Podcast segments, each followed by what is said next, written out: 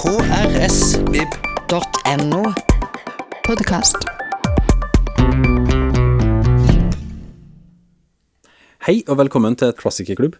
Har med meg Miriam i studio som vanlig. Hei, Miriam. Hei. Eh, før vi gjør noen ting som helst annet, så må vi jo egentlig snakke om det her eh, sykdommen som begynner på K. Som satt satte en brå stopp på det som skulle være eh, vårsemesteret 2020 med klassikerklubb. Ja. Vi rakk akkurat å ha en lesesirkel med, om den polske poeten Tadeusz Rosewicz. Og så ble det et langt opphold, og så fikk vi en til, da, som er denne vi skal snakke om i dag. Eh, så vi, vi ble halvert, kan du si, på vårsemesteret på grunn av den pandemien. Eh, nå har vi et fullt program denne høsten, og så får vi se åssen det går. Mm. Forhåpentligvis så slipper vi en ny bølge og en ny nedstenging. Jeg håper vi ikke må avlyse noe nå. Mm. Vi har mange gøye klassikere å lese. Mm. Før vi snakker om det vi skal høre på etterpå, så kan vi jo ta en kjapp kikk på det programmet som venter oss. Eh, Det er Ja. noen veldig spennende navn eh, ser jeg har foran meg her. Um, den førstkommende er jo um, boka 'Charlotte' av eh, David Fuenkinos. Fuenkinos. Han er fransk, jeg vet ikke hvordan man Fuenquino. sier det. Fuenquino. Ja, eh, vi prøver å, å ha litt sånn balansert program hvor vi både leser litterære klassikere, men også prøver å få med oss kunstklassikere. Mm. Så den For en kinos-boka om Charlotte handler om den tyske maleren Charlotte Salomon. Eh, og så har vi tre litterære klassikere etter det, da. Mm. Vi skal pløye oss gjennom uh, britiske D.H. Lawrence og Sigrid Undset, og briten Mary Shelley igjen, da. Ja. Så det blir, det blir mye britisk, hørte jeg nå. Ja, det, Det er faktisk. gøy. Men det er variert, vil jeg si. Altså, D.H. Lawrence er jo eh, Han skrev jo på 20-30-tallet. Mm. Uh, Undset kjenner vi jo ganske godt til uh, som Ja. nordmenn. Mary Shelley da er jo 200 år gammelt plutselig. Ja. Så det liksom dekker en del perioder, en del forskjellige typer bøker. Så det er ganske mye spennende for ja. ganske mange, tror jeg. Og så har vi jo fått med oss tre veldig fine norske samtidsforfattere som skal ta oss Mm. med gjennom dette. Eivind Hofstad Evjemo, eh, som leser Lawrence, eh, Camilla Bøksle, Undset, og Janne Stigen Drangsholt, eh, Frankenstein. Det blir en bra høst. Det er mye bra i vente her, hører jeg. Ja. Men aller først så skal vi få høre den siste slengeren fra forrige sesong, som da ble gjort nå i sommer, da det endelig ble åpna igjen etter denne sykdommen på K, som vi ikke trenger å nevne ved navn. Og da er det en tysk kunstner, tidlig ekspresjonist, var det ikke sånn? Jo. Litt glemt eh, kunstner. Paula Moderson Becker. Mm. Eh, ja. eh, kanskje mest kjent i Tyskland, da. Men er nå da um, løfta fram igjen, som flere andre kvinnelige kunstnere har blitt de siste årene. Um, og blitt løfta fram på uh, både ved en veldig omfattende, så vidt jeg har forstått, uh, sånn retrospektiv utstilling um, i Tyskland. Og så er det da denne franske forfatteren. Det er liksom franske forfattere som skriver om uh, tyske kunstnere. Det var jo litt interessant. Både han neste vi skal ha, men også denne. Marie Darrieussecq. Eh, fransk romanforfatter. Um, hun har skrevet 'Livet her er vidunderlig', som er basert på livet til Paula Modersson Becker. Mm. Hvor hun beskriver Paulas liv, men også det kunstneriske virket da, og maleriene. Mm. Så jeg tror vi kan si at det er en litt sånn Det er jo ikke en helt ny sjanger, men det, det kommer stadig flere krysningsbøker. Eh, essayistisk roman, Ja, eh, biografisk, eh, tekster hvor også forfatteren sjøl er med inn. Mm. Reflektere over liksom hva de egentlig ser på. Ja, det er jo håpløst i et bibliotek, for vi vet aldri hvor vi skal plassere de bøkene. Roman, Skal de stå essay, på hva? roman, essay, eh, bla, bla, bla. Kunstbøker, hva som helst. Ja, så de havner rundt omkring. Men denne boka her da er jo en, en slags essayistisk roman, kan vi kanskje si. Det er mye sånn diktning da, og innlevelse i livet til Paula Becker. Så det, jeg tror det meste er ganske sånn godt underbygd Mm. sånn faktamessig. Men det er jo da denne franske forfatteren som er født i 1969, så hun er jo ikke så altfor gammel. Hun har jo um, levd seg inn, da, kan du si, i livet til Paula. Ja, og, men allerede egentlig eldre enn det uh, Paula Becker ble sjøl, for hun døde vel rett, som 31-åring. Ja, hun døde veldig ung, men hadde en stor produksjon. Mm. Og så hadde hun noen eh, samtidige venner, da. Eh, som er mer berømt enn hun. Rainer Mm. Maria Rilke, poeten, var en nær venn. eh, og de skrev ma mange brev til hverandre. Og hun var også gift med en tysk malerkunstner som jeg i farten ikke husker navnet på, for han er ikke så kjent for Otto oss. Modersson, var ikke det? Jo, Det Otto, det var kanskje. Otto han het da. Men han, um, han er jo også kjent i Tyskland, da. Men var, de- han, men var han mer kjent da de, mens de levde? Han var nok mer kjent, ja. Men de var også en sånn liten gruppe kunstnere som bodde i en sånn liten landsby. Mm. Akkurat som Skagenmalerne, på en måte. ikke sant? Så de er sånn en klynge med kunstnere som har liksom klumpa seg sammen på et sånt naturskjønt og vakkert sted, hvor de står og maler natur og, og sånt som det. Eh, Paula Becker er jo i et sånn krysnings... ehm, ehm, I et sånt Hva heter det for noe? Sånn skifte, da, kanskje, i uh, kunsthistorien. Mm. Hvor hun da begynner å male ting på en litt sånn ny måte. Mm. For hun får jo dette møtet med ekspresjonismen i Paris etter flere opphold i Paris. Mm. Det snakker jo Frida om Ja, i sin innledning. Så um, boka uh, tar jo for seg dette, løfter på en måte fram da en eh, kanskje ikke glemt kvinnelig kunstner, men en ikke så kjent Mm. eh, kvinnelig kunstner, eh, og levendegjør livet hos sitt. Og det er jo noe med de der livene som går tapt så unge, ikke sant, Mm. at hun eh, Måten hun døde på er også litt sånn ikke akkurat spektakulær, men sånn ekstremt kvinnelig, da. For hun hadde akkurat født Ja, etter sitt fødsel. eh, Etter fødsel, ikke Ja. sant. Født sitt første barn. Ehm, og li, blir da liggende eh, flere dager på rad i senga, og, men hadde mye blødninger, så når hun sto opp, så bare døde hun momentant av blodpropp. Det er sånn ufattelig tragisk eh, Mm. tilfelle. Men hun er jo veldig, veldig kjent. Det ene maleriet hos sitt som er sånn superkjent, er jo nettopp en mor som ligger og ammer et barn. Mm. Og det er ikke på en sånn Jesus og Ma altså Maria og Jesus-barnemåte. Det er en sånn veldig En faktisk mor som ammer et faktisk barn. Altså Ja, sånn og som bare ligger der helt sånn Ja. tilforlatelig og gjør dette uten å liksom Det er ikke noe spektakulært over det. Nei, jeg bet meg litt merke med i den ene Altså han Ole Jakob Hoel anmeldte den boka i Adresseavisa. Han skrev at det her er en, eh, et nøkternt, men dypt fascinerende portrett av kunstneren som kanskje var den første som malte virkelig nakne kvinner. Ja. Altså ikke sånn eh, Ikke menn som maler kvinner, men kvinner som maler seg sjøl. Eller det er jo ikke Ja. selvportretter, men det er som ser med et mer ekte blikk, da. Ikke et sånt ideal. bilde. Ja, hun malte også seg sjøl i bar overkropp Mm. med et sånt stort ravsmykke rundt halsen og Mm. um, Akkurat dette snakka um, snakker Frida om. Mm. Uh, og Marie Darie Sekk skriver om det i sin roman, så det er jo det som på en måte har også vært noe av grunnen til at man har henta henne fram, da, er at hun kanskje var først ute. Mm. Men eh, jeg syns det er ganske interessant å gjenoppdage kunstnere gjennom forfattere sin behandling av livet de sitt. Ja. Eh, Den sjangeren der. Det er ganske mm, Det blir ganske fine bøker av det, ofte. Ja. fordi noen har da hatt et ekstremt sterkt møte med kunst. Så sterkt at de må skrive en hel bok om det. eh, og det Vi hadde, har jo også hatt Susanne Christensen, eh, forfatter og kritiker, på besøk, som har skrevet om Leonora Carrington. Og det er noe med å eh, møte andres veldig sånn sterke opplevelse av kunstverkene, som, som er inspirerende, da, rett og slett. Mm. Skal vi gi ordet til Frida forskeren? Da kan vi gi ordet til Frida. Yes.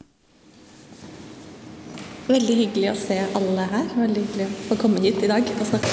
Paula Modersson Becker, som, eh, som vi jo snakker om fordi at eh, Marie Darius Darja har skrevet denne boka her, 'Livet her er vidunderlig', som jo er en roman som kom ut samtidig med en stor separatutstilling over Paula Modersson Becker. Så det er jo på en måte en katalogtekst som har blitt til en roman. Altså det er ganske eksperimentelt bare det, tenker jeg, at man skriver en roman som en katalogtekst.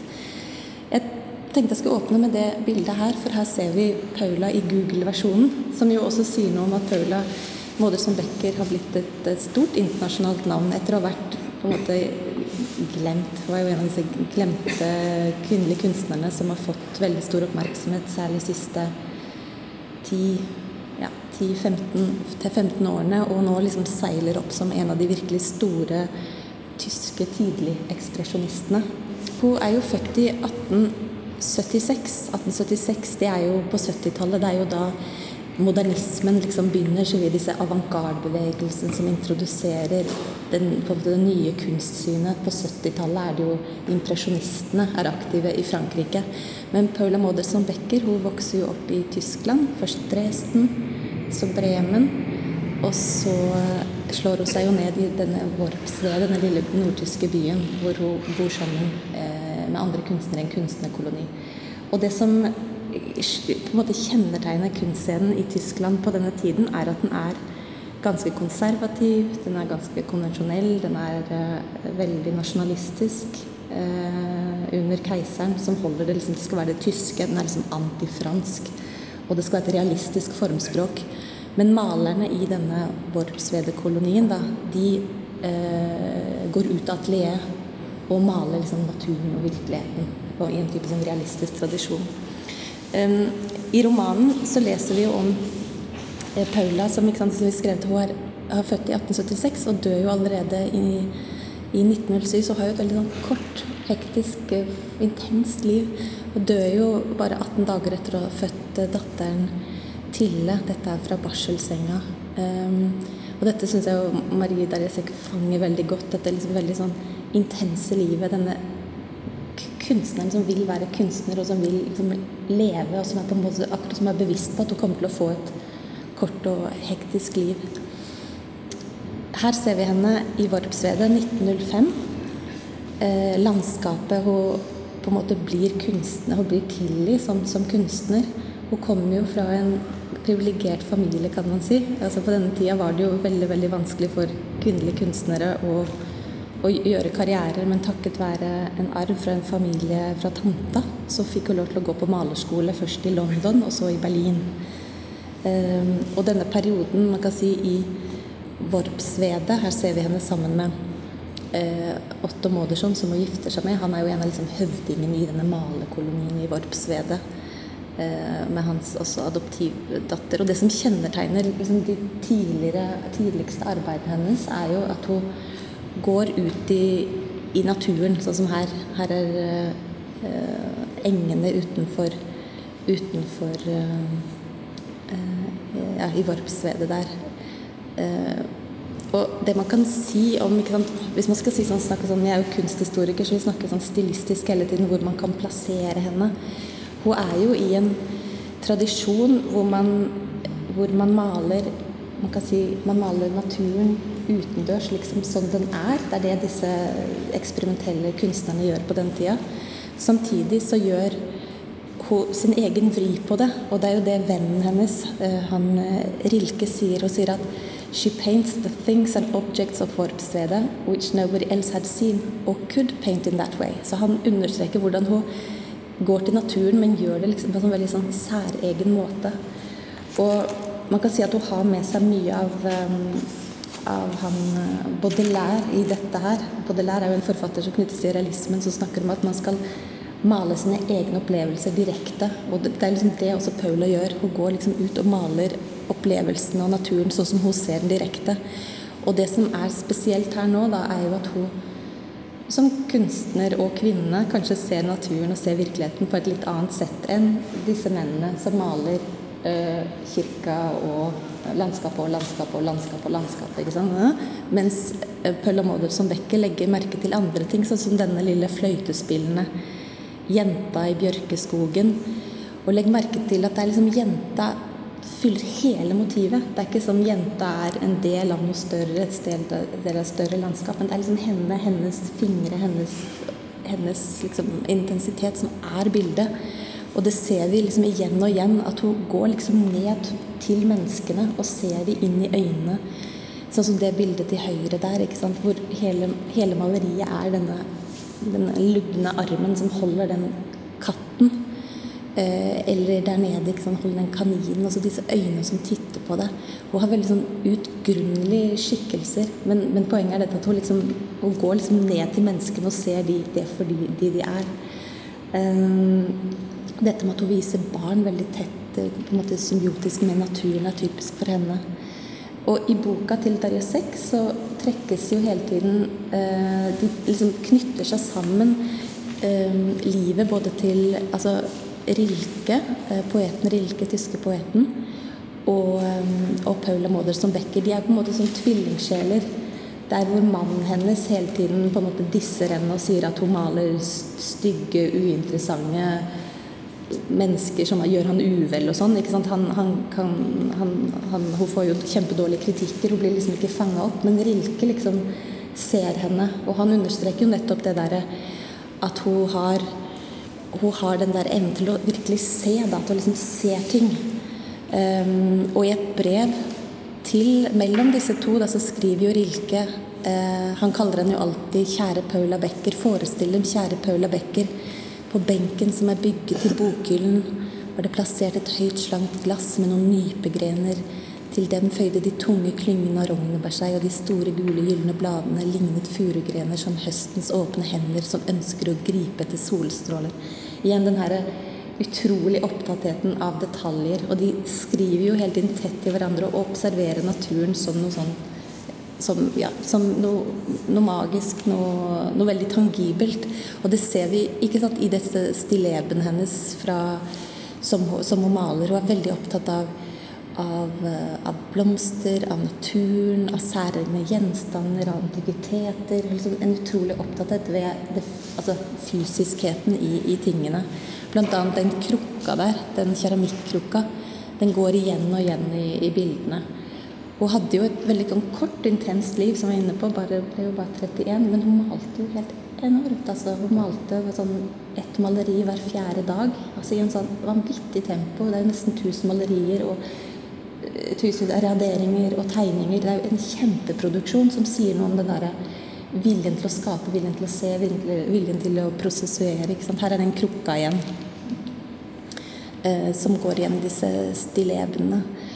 Og eh, jeg har også lest liksom, artikler også som snakker om dette at hun, hun ikke bare ser altså Nå ser vi dette på lysbildet, men legger også merke til at det er en nesten sånn fysisk og sånn taktil måte at hun maler på. Hun risser inn strekene, så de blir helt, det blir helt nesten sånn fysisk at det liksom trer fram.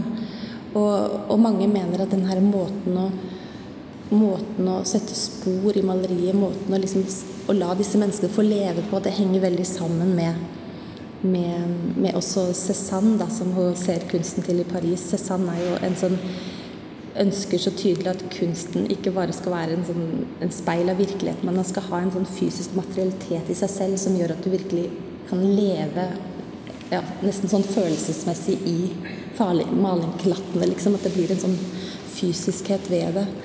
Uh, dette er Elspeth, hennes adoptivdatter, da, som hun maler. Uh, og igjen legg merke til det kjempeinteressante ved at hun liksom zoomer inn på hele altså at Jentehodet er hele bildet. Her har vi en hel sånn tradisjon helt tilbake til antikken, hvor barn har bare vært noen sånne små figuriner helt nederst i bildet. De har liksom bare vært sånn, statister i de voksnes liv.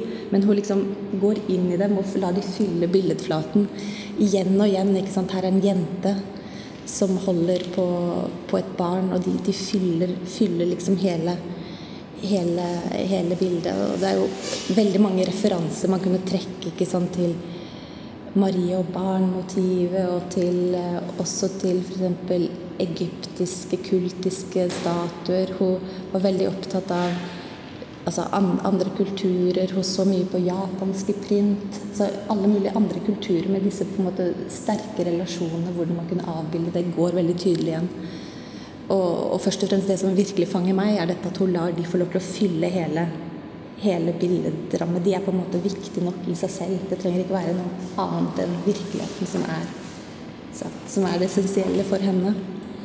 Eh, Darjusek kom jo også inn på, I tillegg til Rilke, så er det jo dette vennskapet, den søstervennskapet altså De er nesten som søstre, billedhuggeren eh, Clara Westhoff, som, som også er en, en, en kunstner som er, jobber tett sammen med Rodin i Paris Men så får hun en litt annen skjebne enn Paula. Hun, hun gifter seg jo med Rilke og får barn, og øh, karrieren hennes på en måte bremses av det. Men øh, hun skriver synes jeg, veldig fint også om, om dette. Hvordan det er å være kvinne og kunstner, og, kvinne og kunstner, og også hvordan kvinnelige kunstnere inspirerer hverandre. Dette er liksom et sånt Tenk på Kitty Kielland og Harriet Backer. disse at man, man får liksom inn, ikke innpass i manneverden, men sammen kan man liksom Man forstår hverandre, og man, man, man, man utvikler hverandre. Og jeg var nettopp på en konferanse i Tallinn, og da var dette med kunstnerisk sånn, kunstnersøsterskap et sånn stort tema. At det burde vi forske mer på. liksom Den her symbiosen og, og hvordan, hvordan, de eh,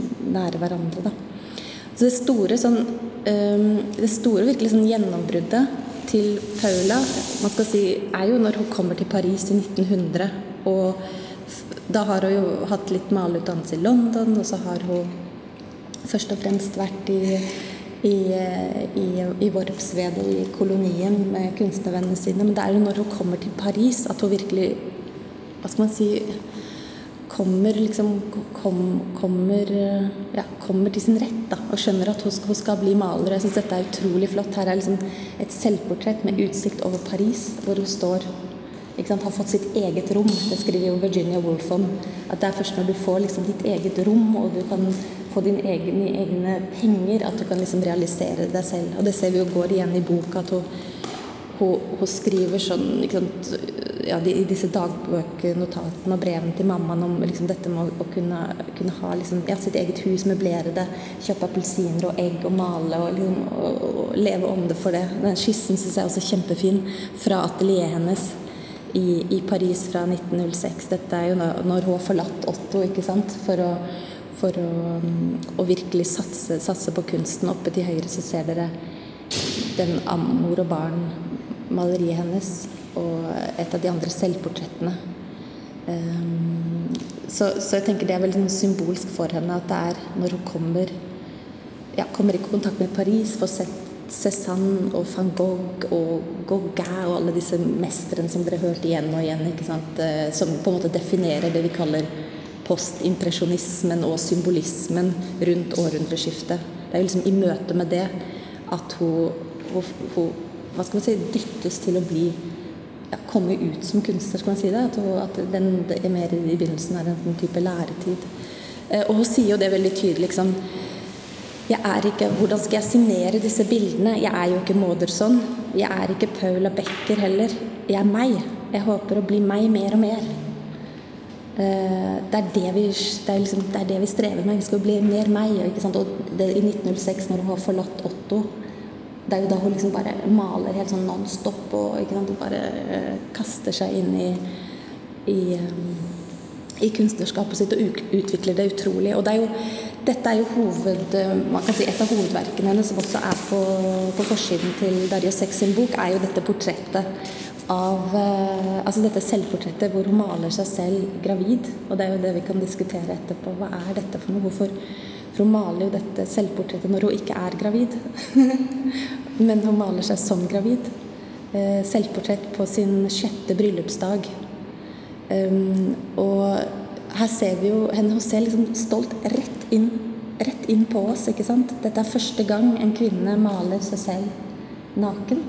Maler seg selv liksom, som, en, si, som en, en, kropp da, som ikke er på en måte begjært av en mann eller sett i mannens blikk. Da, som vi elsker i kunsthistorie, elsker den definisjonen kvinnen sett i mannens blikk. Men dette er jo en, en dame som som, ja, som, som, ikke er en Hva skal jeg si Som ikke er en ikke er erotisert, som ikke er en Maria med barn, eller altså, Det er jo liksom bare en, en dame liksom, som står og, og ser, ser stolt på det.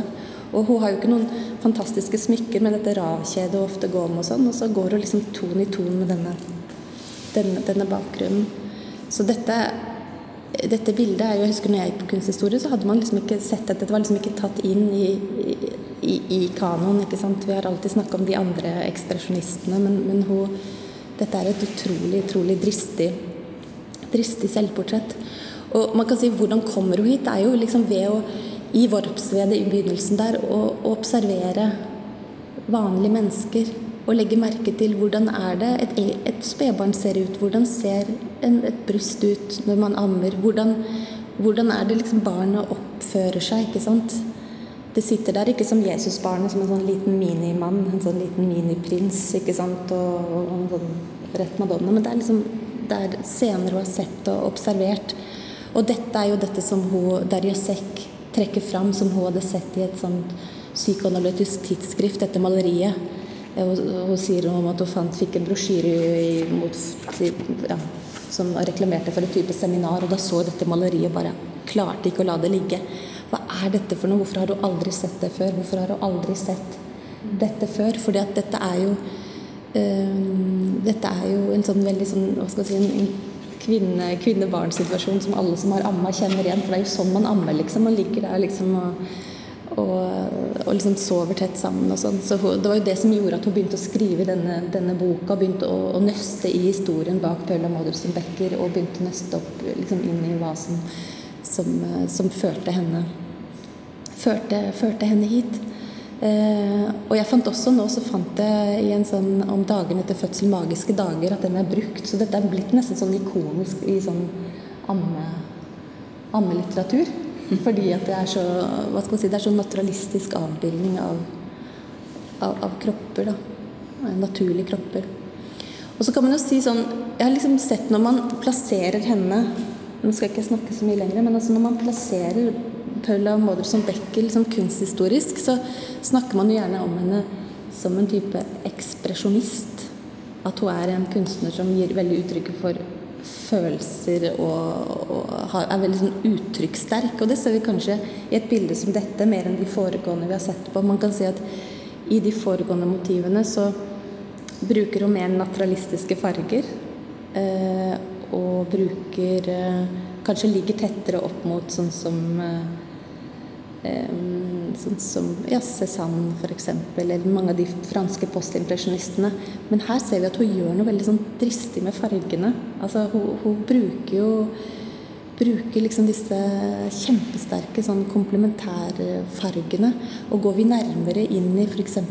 Dette er på MoMA, men går vi nærmere Eh, inn i selve teksturen her, så ser vi liksom hvordan hun liksom maler jo med liksom fargene sånn at de er helt sånn saftige, og de renner utover. Altså dette for meg er det sånn Dette minner meg om, om, om malerier på, Det minner liksom mer sånn om Matisse. Altså det er mye mer sånn den der måten liksom, å, å, å kose seg og leke seg med fargene, og la den liksom grise med fargene, og la den være liksom en sånn materie i seg selv, ser vi veldig, veldig tydelig.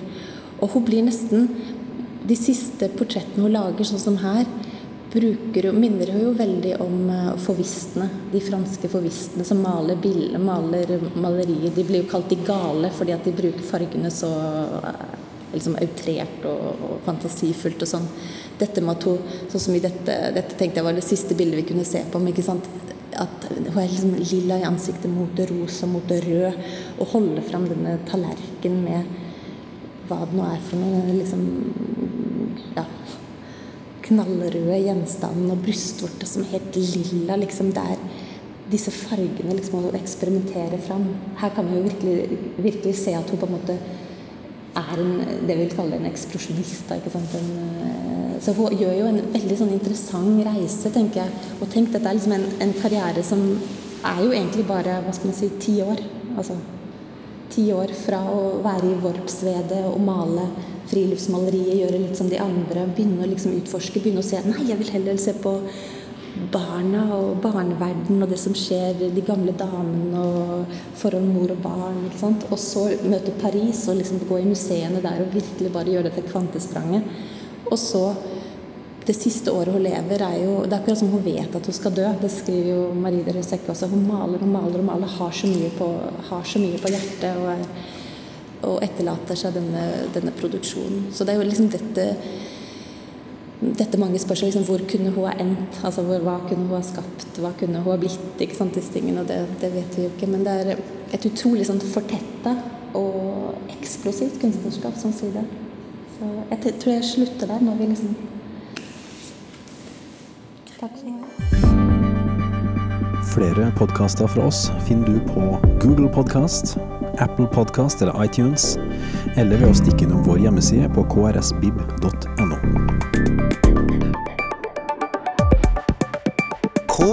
krsbib.no. Podkast.